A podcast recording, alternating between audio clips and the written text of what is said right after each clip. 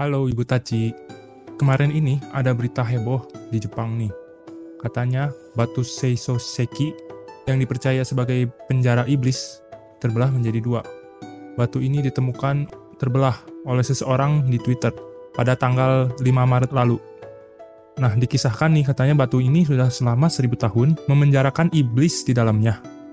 Iblis ini berbentuk jelmaan rubah berbuntut sembilan.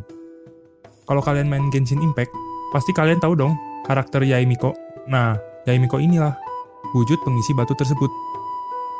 Katanya, menurut kepercayaan, terbelahnya batu ini bisa menjadi pertanda buruk loh. Ya, kita berdoa saja semoga tidak ada bencana apa pun ya di Jepang sana. Oke, sekian dulu episode kali ini. Sampai ketemu di episode berikutnya. Salam Wibu.